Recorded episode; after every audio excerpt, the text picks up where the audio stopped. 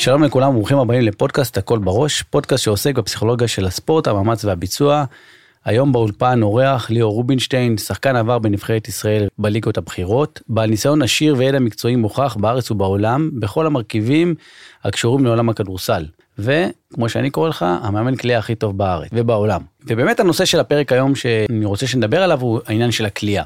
ישבו פה שחקני כדורסל, ישב פה איתי שגב, ליאור אליהו, ושחקנים נוספים, ודיברנו על הרבה עניינים שקשורים לכליאה, למה לא קולע משלוש, למה לא מצליח לקלוע מהעונשין.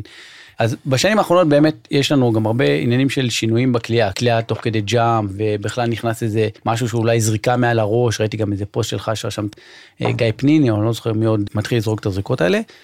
ואז אמרתי, שמע, בואו נרד לשורש העניין. נזמין את ליאור רגע, שיסביר לנו מה זה מאמן כליאה, כמה מהכליאה קשור לפן המנטלי, כי גם דיברנו בחוץ, כשאתה מסתכל על המשחק, כל מה שלא הולך הוא קשור לפן המנטלי. זה הפתרון קסם של הכל, כאילו, הוא לא קלע טוב, זה, הוא לא עומד בלחץ במשחק, הוא אה, לא מצליח לזרוק את השלוש, הוא לא מצליח לזרוק במשחק. היו פה גם שחקנים שאמרו, תשמע, יש דברים שבאמת קשורים. אני לפני משחק יכול לקלוע שלשות חבל על הזמן, במשחק עצמו אני לא מעז להוציא את הכדור מהיד, כשאני עומד על השלוש, אבל יש כאלה שגם השאלה הקריטית, נגיד, שהובילה אותי, זה האם לגבוהים לדוגמה, יש בעיה מובנית בגלל שהם גבוהים מדי אל מול הטבעת של הסל בלקלוע עונשין. בדרך כלל שחקנים גבוהים, הם צריכים לזרוק שתי מכות. שתי מכות זה אומר שאני צריך להרים את הכדור, או להשעות אותו, או לעצור אותו באזור המצח, ואז בעצם הקליעה ממשיכה לכיוון הסל. איפה בא אצל גבוה? שיש לו מסה שריר מאוד מאוד גדולה. או באזור הכתפיים, או הדו-ראשי שלו מאוד מאוד גדול. ואז הוא קצר מבחינה טכנית. אז צריך לעשות adjustment כזה או אחר, לשחקן גבוה, שיהיה לו יותר חלק התנועה. קודם כל התנועה, לפני שיש כדור בכלל ביד, מלמדים אותו לזרוק במכה אחת, או ב, כמו שאמרתי, בהשעיה, ושיהיה לו נוח. יש לי עכשיו, אה, עבדתי בזמנו עם אמין סטיבנס, אה, זר, שקיבלתי אותו עם 47% מהקו, שנתיים האחרונות הוא 65 ומעלה. אחד הדברים המדהימים שהיה, זה שחשוב רק התוצאה. זאת אומרת, אתה מלמד אותו קצת מהתנועה, ואז אתה גורם לו לראות שהכדור נכנס. כשהוא עומד מול המסך והוא רואה שהוא מתחיל לקלוע, הוא מקבל אמון בי, ואתה רואה אותו פתאום נפתח, שפת גוף, הוא מאמין שהוא קולע. פתאום השרירים לא סטיף, קל לזרוק את הכדור. יותר בפלואו. יותר בפלואו. ואז בעצם מה שאתה אומר, אתה עובד גם על העניין הפיזי או הטכני, שאני צריך לתקן לו. אני חייב להתחיל בטכני, חייב. וגם עשית פה מניפולציה שהעלתה לו את uh, רמת המסוגלות העצמית שלו. ובעצם נכון, הוא. השתחרר, ואז הוא השתחרר בעניין של, ה, של המנטלי. כלומר, אם היה לו נכון. גם חסם מנטלי של הנה עכשיו אני עולה ואני מתחיל לחשוש מהזריקה הזאת ואני באמת נכנס לעניין של, אנחנו מדברים, שרוב הזמן אני רוצה לעשות כמה שיותר אוטומט, שהתנועות שלי יהיו אוטומט ופחות עניינים של מחשבה על התנועה שעוצרת אותי. כשאני חושב על התנועה זה בדרך כלל יהיה ממקום של לחץ, מקום של חרדה, מקום ש... סטרס, סטרס. בדיוק. אצלי, אני יכול למדוד את הסטרס. יש לי בעצם צמיד שאני יכול למדוד את הסטרס, אז אני גם מוכיח לאותו שחקן שהוא זורק, שיש לו שינוי, בדיוק כמו שאתה אומר. ואז הוא מקבל את זה גם יותר מהר, גם הוא מצליח להצ... להמשיך את זה בדרך עקבית לאורך זמן, ואז גם הוא רואה את המסך מולו, הוא גם מאמין שהתוצאה טובה. מזה נבנה בעצם האימון שלנו הראשוני, בעצם בתוך התהליך. אני התלבטתי אם להגיד אולי לשחקנים, שמעו, עזבו אתכם את הכלייה הזאת של הקשת, לכו תזרקו זריקת סבתא, כמו וואנקו בהפועל תל אביב. לא, לא ממליץ בכלל, אני חושב שזה ממש אקט של איזה שיווק, תשומת לב, אפרופו, הוא זורק נהדר מלמעלה, עובדה שהוא זורק שלשות, אז למה לא לזרוק רגיל? זאת אומרת, למה אנחנו צריכים את התשומת לב הזה, למה? בשביל מה? שיגידו הוא זורק מלמטה? אתה אומר זה כבר אולי נהיה סמל מסחרי שלו, של באמת של הזריקה. הוא הוכיח את זה? יש לו אחוזים גבוהים? וואנקו כן, לדעתי לא, לא? לא. לא יודע להגיד לך מספר בדיוק עכשיו, אבל הוא באזור ה-55-60 אחוז מהעונשין. בשביל זה לא, לא הייתי מלמד את זה. וזה בכלל מביא אותי לשאלה מתי בעצם אני משנה את הזריקה שלי. אני זוכר את עצמי, אני דרך אגב, אני זורק, אני חושב שהיית מכה בי עם פטיש אם היית רואה איך אני זורק. הכי לא נכון שיש, פעם מעל כתף ימין, פעם מעל כתף שמאל. כל פעם שאני מנסה לסדר את הזריקה שלי, היא יוצאת עוד יותר אה, על הפנים. והרבה שנים הייתי זורק עם שתי ידיים, גם כי הייתי קטן וחלש, וגם כי דורון ג'אמצ'י היה נראה לי שזורק עם שני ידיים. עכשיו אני לא יודע כמה זה נכון, כי ניסיתי קצת להסתכל באמת על הזריקה שלו, ואני לא יודע כמה, כלומר כן ראיתי שיד אחת קצת יותר דומיננטית מהיד השנייה בזריקה, זה לא ממש כזה פולו בכדורסל. היד המייצבת מתערבת. כן. היד הקולעת היא קולעת, היד המייצבת היא קצת מתערבת.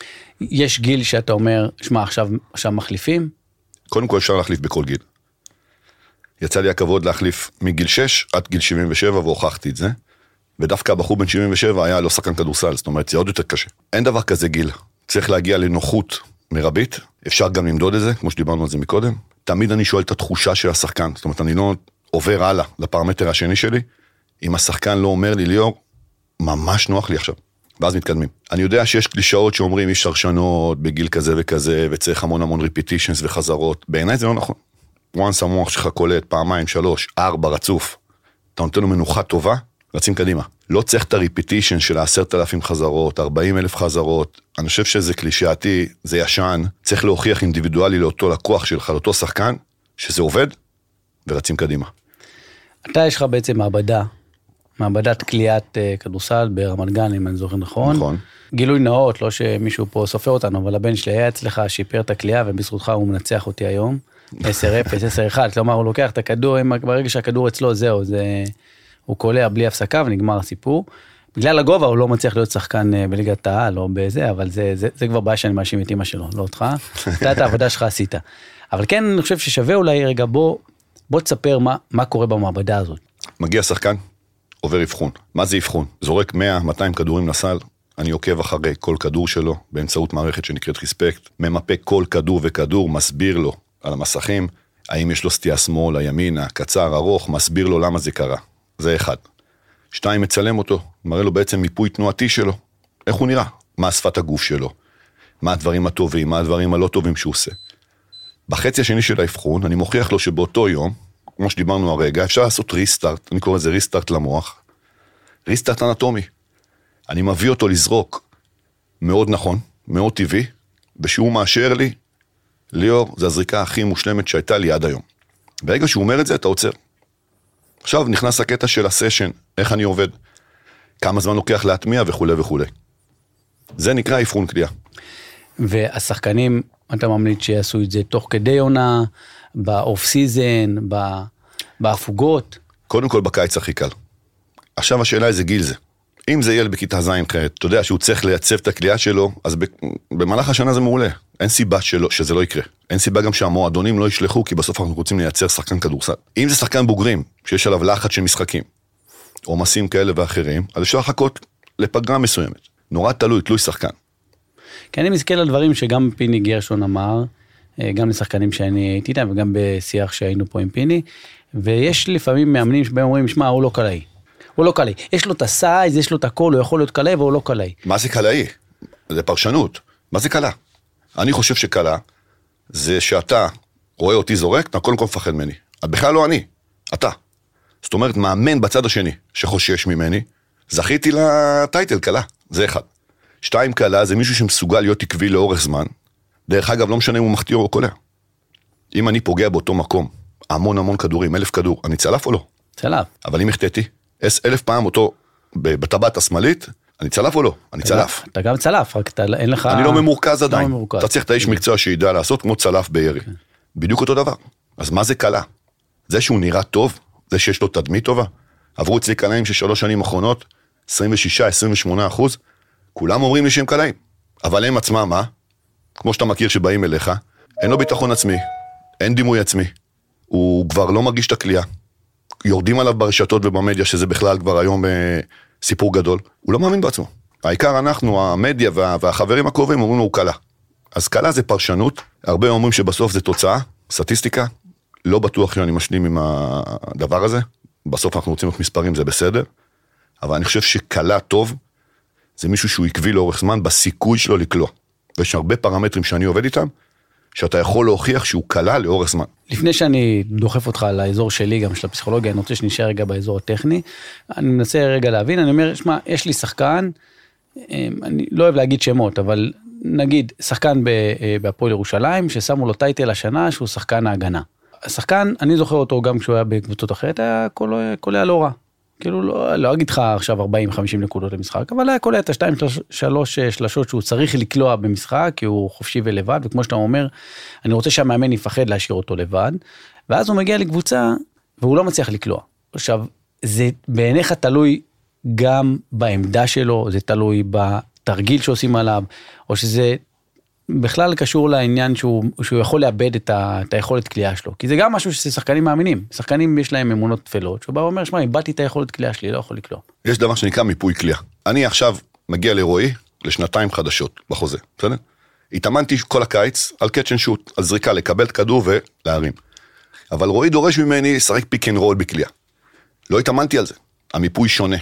אז ברור שיהיה חוסר עקביות, ירידה באחוזי קליעה, כי אתה מתאמן על משהו שאתה לא, לא דורשים אותך ממנו, או הפוך. המון שחקנים מגיעים ואומרים לך ליאור, אני רוצה להשתפר בהכל.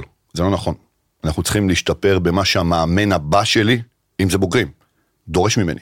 אם הוא דורש לעמוד בפינה ולקלוע, תתאמן רק על זה. תוסיף עוד דבר, פייק, one dribble קליעה, אם, אם קפצו עליך. אבל מעבר לזה, למה אני צריך להתאמן? אם אני חתום אצלך עכשיו שנתיים, ואתה דורש ממני אחד, ואני מתאמן על 2, 3, 4, 5. זה לא נכון. מחלקת נוער שונה לגמרי. צריך בסיס כליאה. צריך ללמד אותו דריבל ימין, דריבל שמאל. להיכנס בתנועה שמאלה ימינה. לעבור ממש לפי סדר, א', ב', אותו דבר בכליאה, בכדורסל, זה הכל. מאוד פשוט. כמה מאמני כליאה יש היום בארץ? וואו, תראה, בגדול כל מאמן אישי נוגע בכליאה. אני חושב שהשאלה היותר נכונה זה כמה אנשים עובדים רק כליאה ומתפרנסים מזה? לדעתי אין. אני 100% מהזמן שלי מתעסק בכלייה, אה, מקדיש לזה את כל חיי, זה ממש מפעל חיים שלי. אה, אני קורא להרבה מאמנים לעשות את זה, אני בכלל קורא למאמנים להיות מדידים. למה אנחנו מפחדים מזה? למה אנחנו מפחדים מלמדוד כל דבר? קודם כל אני לעצמי להשתפר, ואז לעמוד מול האבא שמשלם לי כסף, או מול השחקן שרוצה ממני תמורה. זאת אומרת, לאורך כל הדרך להוכיח לו שהוא הגיע לאיש מקצוע, מקצוען, מקצועי, וגם אני יכול לעשות טעות. אבל החוכמה תוך כדי התהליך זה לראות את הטעות ולשפר אותה. המאמן בקושי יודע אם הוא יישאר למשחק הבא, אתה רוצה שהוא יכניס עוד, עוד משהו מדיד, שעוד יותר אפשר לשפוט אותו אם הוא עשה שיפוט או לא שיפוט. אני חושב שזה, שזה אחד הדברים שהם קשים, אני חושב שדווקא אולי להביא למאמן הזה איש מקצוע, בזה אני, אני חושב שכן צריך. מעולה. כלומר, להביא מישהו שעכשיו המאמן יתעסק באימון, באסטרטגיה, בטקטיקה הקבוצתית, וכמו שאנחנו מביאים מאמן כושר, מביאים מאמן כושר שיטפל לי בשחקנים לדברים הספציפיים של ההיבט של הכושר, אז מאמן כליאה להיבטים של הכליאה. אין לי ספק שזה יקרה בסוף, העולם הולך לשם. אני חושב שכאילו בארץ אולי אנחנו לא, שזה, לא, זה קצת הזיה. אני מסתכל, אני אומר לעצמי, קבוצות משאירות 15-20 לא, נקודות על קו העונשין. שזה יכול להיות uh, Game Changer מאוד מאוד רציני. אתה יודע, בסוף אתה מסתכל על מה הקבוצות מפסידות את האליפות, את הגביע, זה על העונשין. מסכים. עמדתי על הקו עונשין ווואלה, פספסתי את זה. עכשיו אני אומר, במקום להביא עכשיו אפילו פסיכולוג ספורט לקבוצה שלי, תביא מאמן קליעה שייתן לך עוד uh, 10 נקודות מהקו. שישב על השחקן. אז למה לא עושים את זה? מקודם שאלת כמה מאמני קליעה יש, אז אני אומר לך שבעולם כמעט אין, זה אחד. שניים, עניין תקציבים, כמו בכל דבר. שלוש בסוף זה open mind, כמה אתה פתוח לקבל עצה על כליאה. בסוף אנחנו, הישראלים יודעים הכל, אתה מכיר את זה. כן. אז עכשיו השאלה, כמה בן אדם מסוגל לקבל עצה על משהו שהוא אומר, אתה יודע מה, אני בזה לא נוגע. זה פרמטר באימון שלי, כמו שאתה אומר, שאני משאיר לאיש מקצוע. אני לא נתקלתי בהרבה כאלה בישראל בחו"ל כן. עכשיו היה סדרה של אה, שקיל אוניל, ואז הוא גם מדבר שם על הכלייה שלו. אם אני זוכר נכון, לקראת הסוף הוא קצת שיפר את הכלייה שלו, כי כבר היה ממש הקדשה כאילו ברמה קריטית שכבר לא היה לו, זה כבר היה מגוחך שהוא לא קולע עונשין. הוא לא ממש הצליח לשנות. שמע, היה לי, הלוואי והייתי יכול לעבוד עם אחד כמו שקילוני. זה עניין טכני, זה לא עניין פסיכולוגי בעיניי, זה הכפות ידיים שלו מאוד מאוד גדולות. צריך לדעת איך לשים את הידיים נוח על הכדור ושהוא בעצם יהיה לו נוח לזרוק אותו. הוא זרק את הכדור כמו זרוק אה, כדור טניס. גם אני היום אם אני אזרוק וגם אתה עם כדור טניס לסל, מאוד קשה, מאוד. אה, תחשוב שאם הוא היה קולע, הרבה יותר טוב עונשין, לאן הקריירה שלו הייתה הולכת, כמה כסף הוא היה עושה. מטורף שחקן כזה. אני חושב שהוא היה עובר את אה, מייקל ג'ורדן ברמת אה, האליפויות שיש לו, ובכלל בהישגים, וגם אני חושב שזה היה שומר עליו קצת יותר, כי הוא היה חוטף פחות מכות. אני מסכים איתך. שמע, שחקן כזה ש... שמפחד ללכת לקו העונשין, אפרופו פסיכולוגיה, זה מטורף, הוא לא יכול לשחק, בסוף המהות זה לשים את הכדור בסל. עושים עליך פאון, אני לא רוצה ללכת לזרוק עונשין. ונכנסת את זה לעניין של הפסיכולוגיה, אז אני חייב להכניס ביטחון עצמי. אני ראיתי איזשהו פוסט שלך שאומר, היה שם איזו שאלה, מה יותר חשוב, אני לא לא זוכר בדיוק את ה... טכני או ביטחון- טכני או ביטחון עצמי, נכון. כן. מה התשובה? אני טעיתי שם. תראה, אני אגיד לך משהו שאני אשמח לשמוע את הדעה שלך. פסיכולוגיה, בעיניי, נבנית מטכניקה. זאת אומרת, ככל שאתה טכני לאורך זמן, אין לך מחשבות בראש. ככל שאני זורק שלם יותר, זאת אומרת, נוח לי, אני שלם עם איך שאני זורק, נראה טוב, מקבל פידבק סביבתי טוב, רואה תוצאה, אני מצליח לעשות ריפיטישנס, אני מצליח לעשות חזרות טובות. אני מעולם, באמת, לא מבין אנשים שאומרים לי, אני מפחד לקלוע. אני מעולם לא פחדתי להחטיא. שומעים אותנו ילדים, הורים, כל הזמן אומרים לי שיותר חשוב להאמין שאני קולע. בעיניי זה לא נכון. כל אחד שזורק זריקה, הוא בטוח שהוא קולע סל. אבל כמה, כמה שחקנים אתה מכיר שלא מפחדים להחטיא? שבזמן שהכדור פוגע בטבעת, שפת גוף בריאה. חיוך. זרקתי טוב, אבל החטאתי, אז מה? כמה, כמה פעולות אנחנו עושים בחיים מאוד טובות שלא הצליחו? אז מה? מה, אני יכול רק לקלוע? עכשיו, ילד שמחטיא, לא בשפת גוף, וההורה תופס, דיברנו על זה בחוץ, הוא תופס את הראש, איך אני, בתור אחד שמסתכל על אבא שלי, שאני מעריץ אותו, תופס את הראש שהחטאתי, חרב עולמו. אני חושב שצריך לשנות גישה. יש החטאות טובות. צריך להתאמן על החטאות טובות. ממש אימון החטאה. ואז מי שיודע להחטיא, בסוף יקלע. מה זה אימון החטאה? אימון החטאה, לצורך העניין, אפרופו פסיכולוגיה של כליאה, בעיניי יש חוסר מודעות פשוט משווע של שחקן שמחטיא קצר. זה ההחטאה הכי נפוצה בכדורסל, העולמי. למה אתה מחטיא קצר? הרי הטבעת הקדמית היא נגדנו. אין סיכוי שאני אקלע אם אני פוגע בה. נכון. אז מלכתחילה, בוא נכוון ארוך. בוא נכוון להחטיא ארוך. אנשים לא מאמינים לי ואני הייתי קלעי, הייתי מכוון להחטיא ארוך. ואז היו קורים שני דברים. אחד, או שהייתי קולע. שתיים, אם הייתי מחטיא, לשם כיוונתי. הייתי מקבל את זה בחיוך, בהבנה. יאללה, נקסט, כדור הבא. גם צריך להגיד, גם אם אני פוגע רחוק ולא בטבעת יש לך מקדימה, סיכוי להיכנס יש לי. סיכוי להיכנס, לקחת הריבאונד, זה לא התקפה מתפרצת שמריצה אותי זה, עוד לפני הריבאונד, קלעי טוב, יש לו עד 15% סיכוי שהכדור עוד ייכנס. זאת אומרת, פגע בטבעת עלה למעלה, אולי הוא ייכנס, או בלוח וייכנס. עד 15% קלעי טוב. קלעים בינוניים ומטה, עד 5%. זאת אומרת, מההחטאות, רק חמש נכנסים לך פנימה. זה הזוי, זה הזוי. דיברת על כדורסל.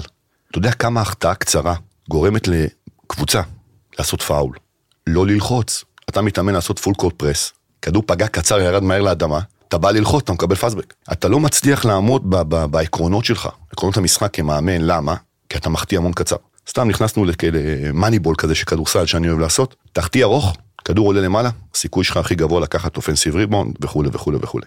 אה, אני חושב שזה חשוב, למרות שזה באמת סוג של מאניבול, אבל זה חשוב כי אני חושב שהרבה דברים בתפיסות, יש דברים שמשתנים, ואולי משתנים גם מעבר לים, ולפעמים אני מרגיש שפה בארץ אה, לוקח לזה הרבה זמן, ודרך אגב ענף הכדורסל הוא ענף שאני מחזיק ממנו כענף שעושה הרבה מאוד אה, שינויים יחסית מהירים. כלומר, מאיך אנחנו רוצים לאמן, איזה מאמנים פתאום נמצאים לי בנבחרת, אה, איך הסגנון של המאמנים שנמצאים, בשיח איתם, אנחנו נופלים מדי פעם, אבל איזה מאמנים נכונים לדור הנוכחי של השחקנים, הוא לא דומה לדור שלך. היה? פה עמי נאווי שישב פה כמה דקות לפניך, בלי לזלזל בו, אני לא יודע כמה הוא יכול לאמן היום את הדור הצעיר, ברמה של, אה, של השגרה, של המשמעת, של הדרישות, אולי של אפילו של הטונציה. בסדר, צריך לעשות התאמה לעידן המודרני. הילדים של היום, הילדים שלנו, הם לא הילדים שאנחנו נולדנו, ראינו ברחוב. זה אנחנו, זה לא הם. אנחנו צריכים לעשות את השינוי ולא הם. הם גדלים לתוך זה. אנחנו צריכים להשתנות לתוך זה. לא נראה לי כזה מורכב, צריך להבין את זה רק. לא, אז אני אומר, זה באמת, זה לא נראה כזה מורכב, ואני עדיין שואל את עצמי, איך לעזאזל הדברים האלה עדיין לא, לא נכנסים, אתה יודע, זה אותן שאלות שאני שואל את עצמי, איך לא נכנס פסיכולוג לקבוצה. כי אני חושב שיש את העניין הטכני, שאני מסכים איתך לחלוטין, בסוף המסוגלות העצמית שלי נבנית על ההצלחות שלי. אני מצליח, המסוגלות העצמית שלי היא גדלה, אני מאמין בעצמי יותר, אני מוכן גם לקחת סיכונים יותר, כי אני יותר בטוח בעצמי. ואז אני פותר אפילו את הצורך בלדבר עם אה, פסיכולוג, מתי אולי זה ייכנס? ברגע שהתחיל עם מין אה, תקופה לא טובה. שגם זה קצת, תמיד אני אומר, זה איזה שהם דעות קדומות או אמונות טפלות כאלה שמגיעות שהן לא קשורות לכלום, כי זה לא שאנחנו עכשיו, אה, מישהו בא, לקח לך את כל היכולת אה, משחק ו, ושם אותך, זה משהו שאתה הכנסת על עצמך בראש, שזה לא התקופה שלך, זה לא היום שלך, לא אכלתי כמו שצריך, לא נתנו לי נשיקה כמו שצריך, אבא לא ביציע, ואמונות טפלות שמשפיעים על היכולת שלך, מה שזה לא נכון, כי השריר שלך נשאר אותו דבר, המבנה גוף שלך נשאר אותו דבר, פשוט המוח שלך כרגע חושב על דברים אחרים, ואז הוא מפריע לך לתהליכים העצביים שאמורים לקרות במוח לביצוע פעולה באופן אוטומט. זה הדבר היחידי שמשתנה, רק מה שהכנסתי רגע לראש.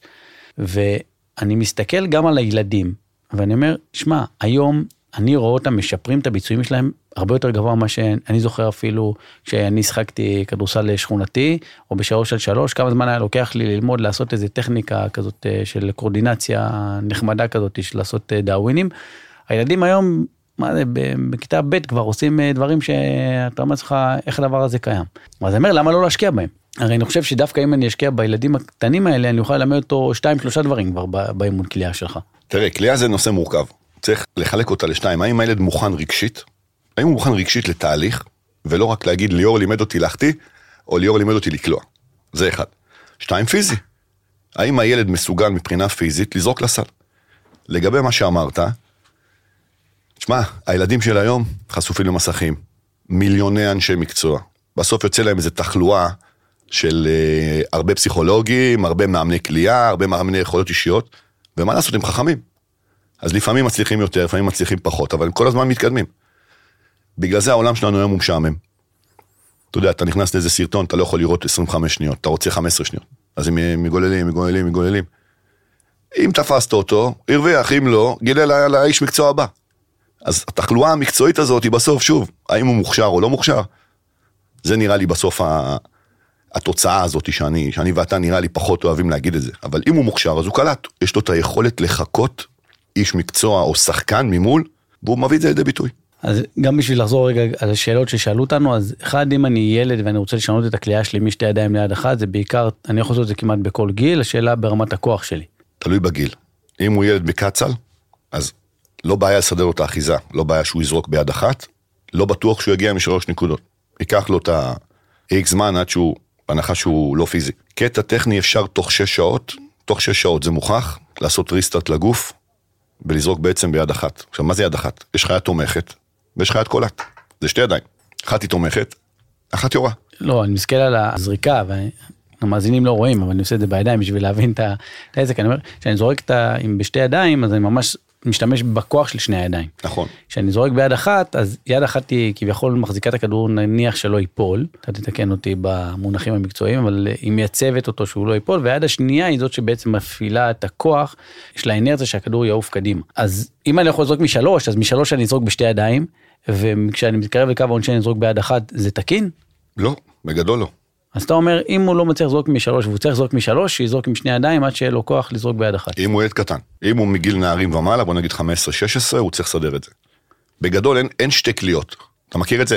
אני חצי מרחק זורק ככה, אבל מהשלוש אני צריך לזרוק אחרת. לא, כן. זה לא מוטמע, הטכניקה לא מוטמעת, אה, מוטמעת בך כמו שצריך. אז אתה צריך לעשות, ללכת לאיש מקצוע, להטמיע את זה כמו שצריך, ולהגיע.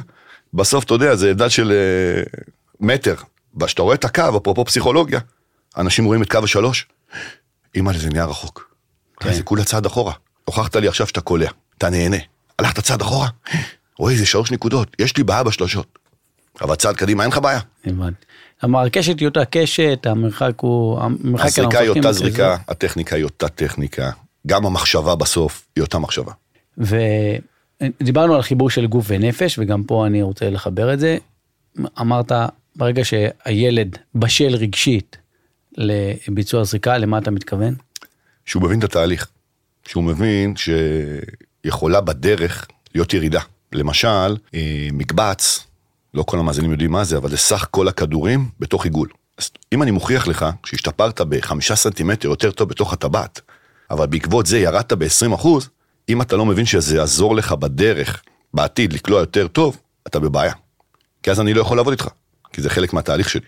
אם אתה רואה אם הכדור נכנס או יצא, אז שוב, אתה תבוא לאבא, תגיד, ליאור לימד אותי לקלוע, או ליאור לימד אותי להחטיא. זה ילד שהוא תוצאתי, הוא מסתכל רק תוצאות. דיברנו בחוץ, הייתה שיחה מעניינת על מניפולציה. גם לי קל לעשות מניפולציה, להוכיח לשחקן שהוא קולע, אבל מה זה יעזור לי? הטיקט שלי זה שהוא יהיה עקבי לאורך זמן. להרחיק אותו מליאור, שהוא לא יראה אותי כל uh, חודש. פעם אחת הוא ישלם כסף, פעם אחת הוא יעשה הטמעה טובה של טכניקה. וזהו.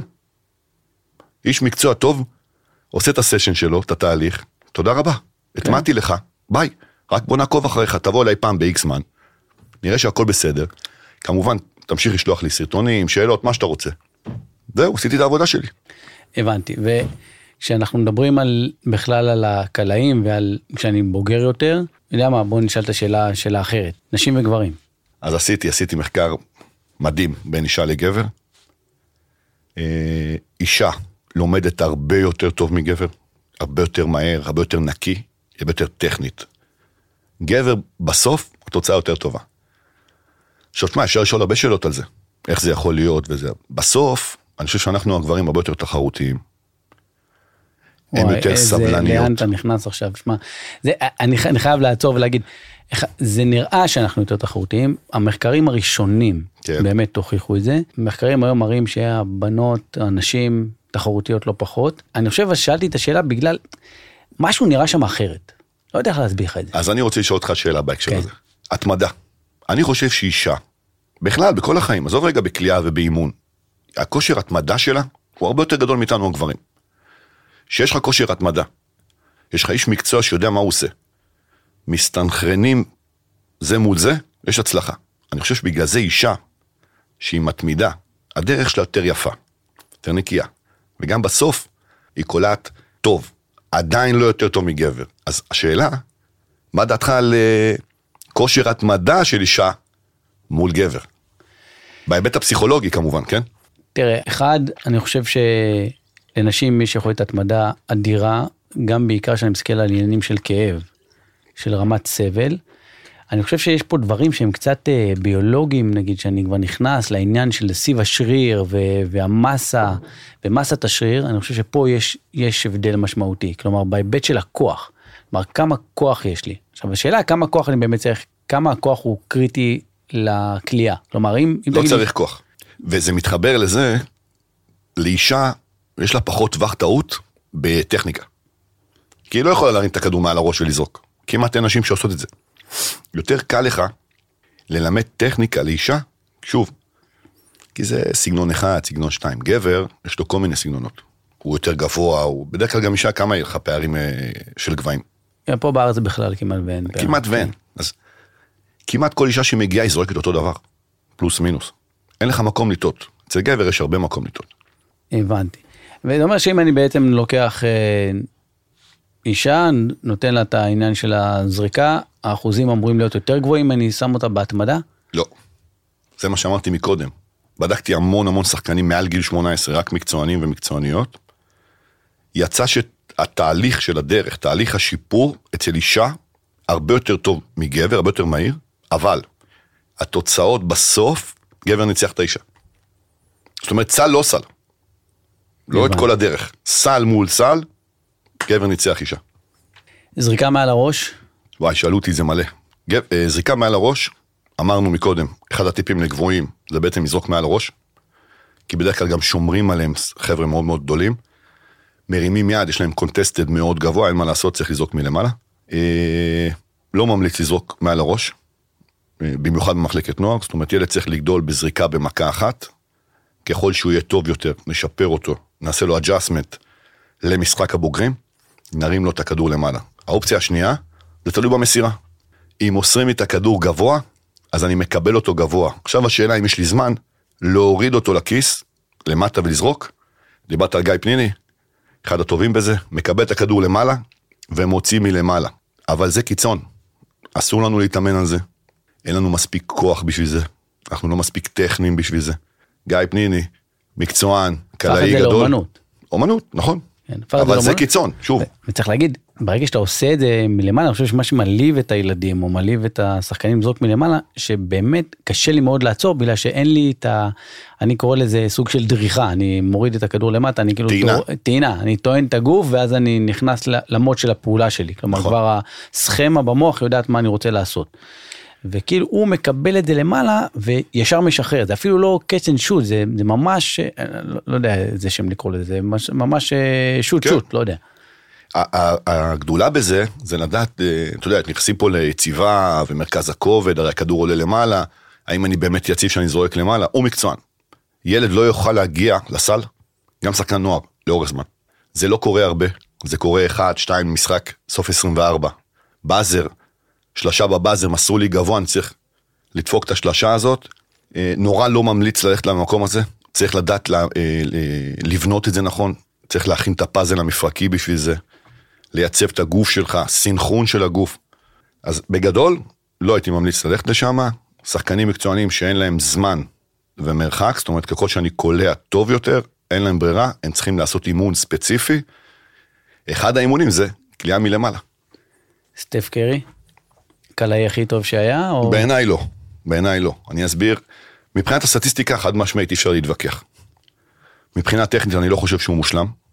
יצא לי לראות בעיניים סטטיסטיקות ומיפויים יותר טובים ממנו. אה, פה נכנס טווח הטעות וכל הקטע הפסיכולוגי. סטף קרי יכול לזרוק עד מחר כדורים, אף אחד לא יגיד לו כלום אם הוא עשה איירבול, אם הוא החטיא. תמיד ימחאו לו כפיים. לא כל אחד מקבל טווח טעות כזה. לא כל מאמן מוחא כפיים אחרי החטאה לשחקן. אני חושב שסטף קרי הוא הקלעי עם הביטחון הכי גבוה שיש עד היום, אה, וזה עוזר לו. ראיתי גם את סטף קרי זורק ארבולים, מה שלא ראיתי קלעים אחרים גדולים עושים, אה, וזה אומר משהו עליו. זה אומר שהוא פגיע. אני בתור קלע, אני יודע מה זה לזרוק ארבול. אם הוא זורק ארבול, משהו שם ברח לו, אתה יודע, פסיכולוגית, אה, כן. פוקוס, לא יודע מה. וזה מעניין, כי זה שאלות שצריך לדבר איתו, ולא לפחד לשאול אותו דברים כאלה, כי בסוף הוא מראה של מיליוני ילדים בעולם, שרואים שסטף קרי עשה איירבול. עובדה, בשידור ישיר בטלוויזיה. אז אני לא חושב שהוא הקלעי הכי טוב באימון או בפרמטרים שאני מדבר אליהם, אני חושב שהוא שינה את המשחק חד משמעית. אני חושב שהוא עזר, תרם למשחק הכדורסל בכלל, לילדים לאהוב כדורסל, לאהוב קליעה. אני נהנה מזה במה שאני עושה, וזה מעניין מה, מה, אתה יודע, מה השלב הבא. תמיד אומרים, מה, יישבר צי עולם? כאילו, מה יהיה הדבר כן. הבא? מה, יבוא מישהו יותר טוב ממנו?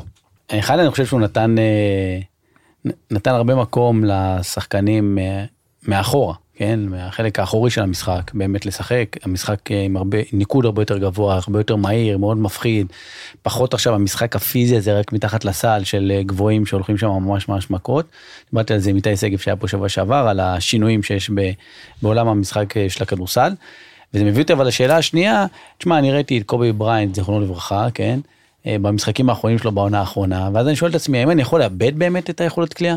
תשמע, הוא היה נגר, חבל על הזמן. קובי? כן. נגע? לא, בעונות האחרונות. בעונות האחרונות. שמע, אנחנו עושים פה השוואות בין בני שחקנים. לא, אני לא, לא מדבר על השוואה בינו לבין סטף, אני מדבר בכללי, שאני מסתכל על אה, האם כשחקן, היכולת כליאה שלי באמת יורדת כי אני מתבגר, אה, כי אה, משהו קרה לי, כי בעניין הפסיכולוגי, אני יכול להגיד דווקא ככל שאני מתבגר, אני אמור כביכול להגיד, מנוסה יותר, מנוסה יותר להבין מה אני עושה לא כן, טוב. לא באמת אכפת לי, אז החלטתי, אז מה, המקום שלי בטוח, אז יש לי כאילו בטוח וזה וזה, והרבה דברים. ואצל קובי, או בכלל שחקנים, אתה פתאום רואה קצת נסיגה ביכולת כליאה שלהם. תראה, ככל שאתה עולה בקריירה שלך, אתה מקבל הגנה טובה יותר. עכשיו תחשוב שחקן כמו קובי רץ שתי פוזיישנים ולא זורק לסל, הוא בא מהבית עכשיו עם ארבע זריקות. אתה יכול להגיד לו משהו? הוא מרים ארבע זריקות. עכשיו, אם הארבע זריקות האלה היו על היד, והוא החטיא, אתה יכול להגיד לי, שמע, זה קובי בריין. מצד שני, זריקה לא טובה. גם קובי בריין צריך לדעת מתי זה זריקה טובה, או סטף קרי, ומתי לא. הבעיה שיש לכולנו יועצי חצר, שמייעצים לנו, חבר'ה, הכדור מגיע אליך, תזרוק לסל, אי אפשר לקלוע אם לא זורקים. אתה מכיר את המשפט הזה? ברור, כן. אבל מצד שני, גם אם זורקים ומחטיאים כמה רצוף, חילוף. עכשיו, זה מביא אותי לאיזה נקודה שככה אני אשמח לשאול אותך, יש לי שני קלעים, דוגמה מגניבה לילדים ובכלל למאמנים גם. שניהם 80 אחוז. אחד מהם מחטיא חמש, קולע אחד. מחטיא שש, קולע אחד. השני מחטיא חמש רצוף או ארבע רצוף, קולע עשרים בפנים. שניהם 80 אחוז, אותם תוצאה. מי אנחנו לוקחים? את מי אתה מעדיף? אני אגיד לך שאני הייתי מחלק את זה לפי, נגיד אני גם אומר למאמנים לפעמים, שיש שחקנים של מאני טיים ושחקנים של, של המשחק עצמו. וזה קצת יותר דומה לשאלה ששאלת.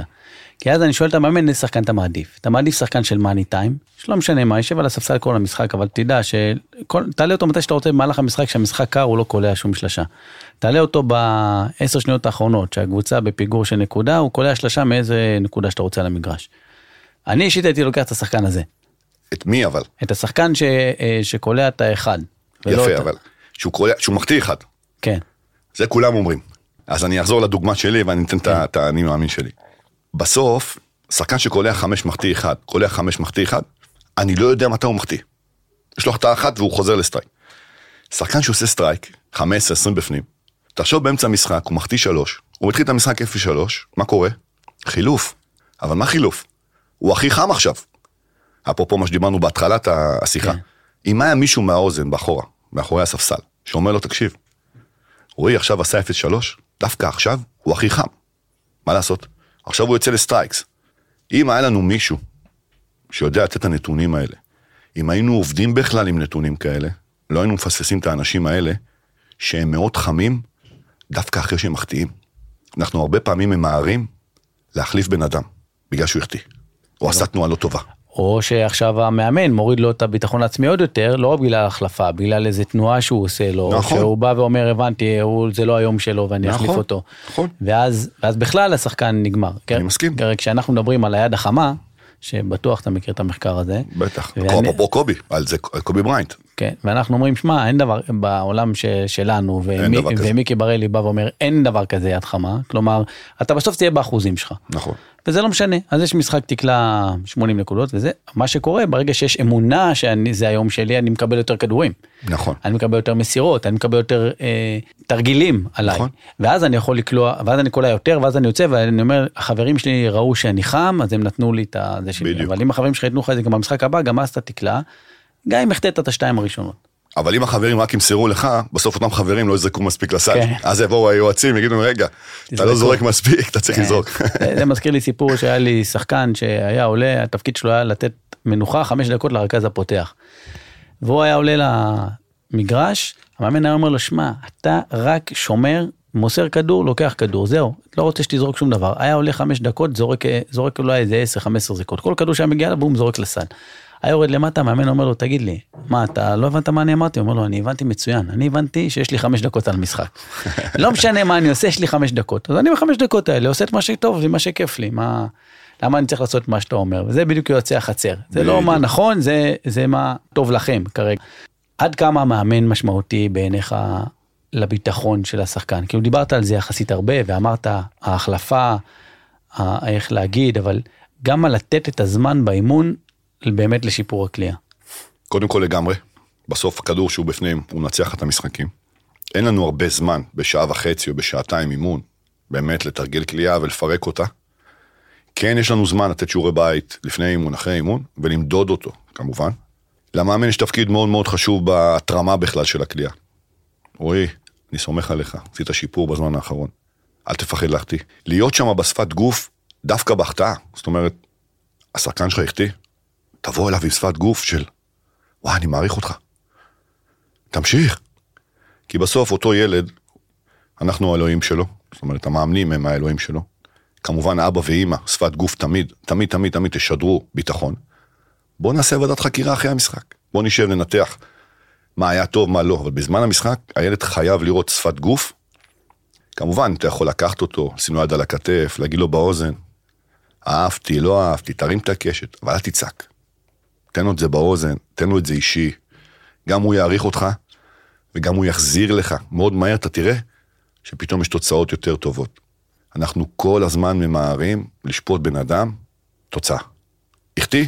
בוא לידי, בוא לידי. אתה לא טוב היום, אתה לא מרוכז היום. אבל הרגע הוא לקח לך שתי חטיפות. אז הוא לא מרוכז.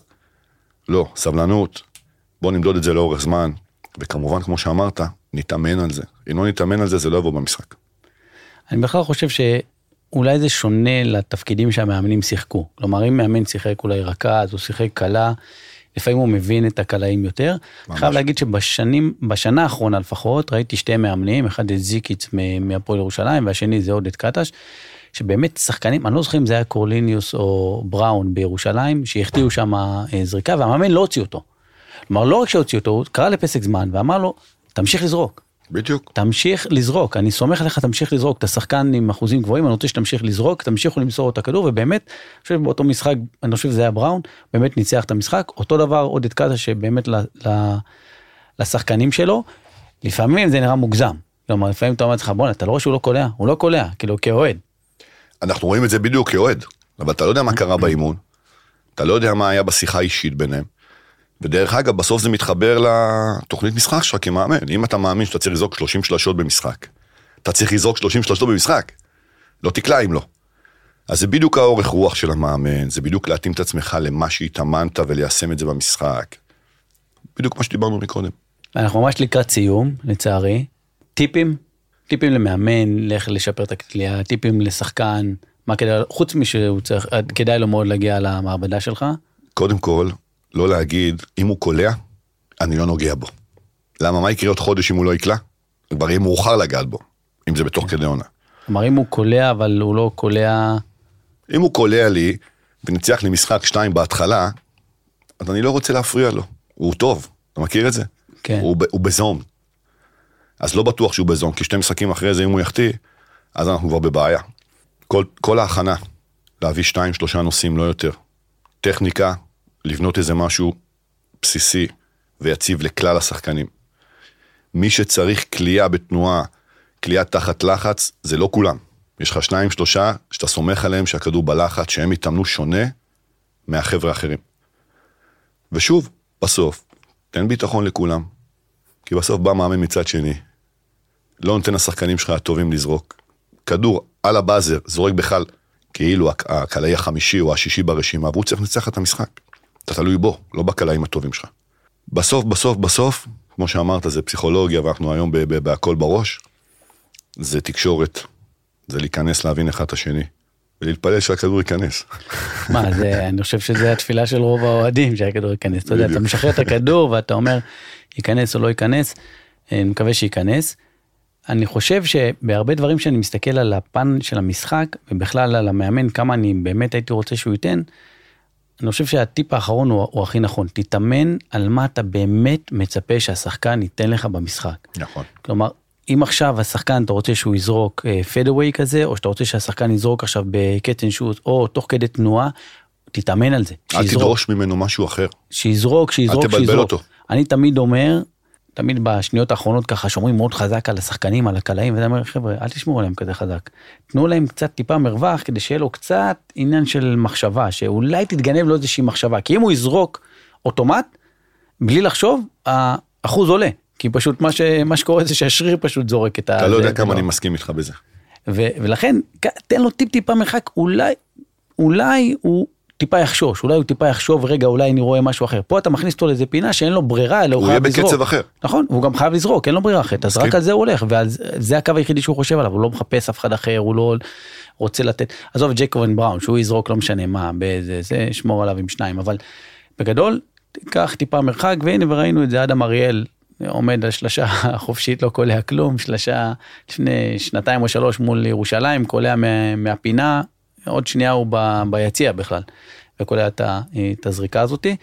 אז אחד ממש תודה שבאת בטח אחרי לך. אתמול שהיה ככה מלא חסימות וזה חששתי שאולי יקרה גם דברים היום אבל ממש תודה שבאת אני יש לנו עוד הרבה דברים לדבר עליהם אני מזמין את כולם באמת להגיע למעבדת כליאה שלך אני חושב שזה דבר קריטי מאוד בעיקר גם לשחקנים ובכלל לכל מי שרוצה טיפה לשפר את הכלייה והבטחתי לאחד מהמאזינים שלנו שגם אנשים מבוגרים יכולים לשפר את הכלייה אמרת בשש שעות.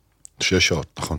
יש צילומי וידאו, יש... אז בשש שעות וזה עכשיו אני עושה לך פה קצת פרומו אבל uh, זה פרו בונו גם מחיר uh, באמת uh, עממי וטוב ו- וממש שש שעות זה כלום בשביל לשפר את הכלייה ואני חושב שהדבר הזה הוא קריטי בטח לעולם הכדורסל שאם אנחנו רוצים שבסוף זה, ה- זה השם של המשחק פוטה בולין הבסקט. לגמרי. אז אה, תודה רבה ולכם המאזינים והמאזינות תודה רבה שאתם ממשיכים להאמין בפודקאסט לשמוע ולהשאיר הערות בפרקים נתראה בפרק הבא.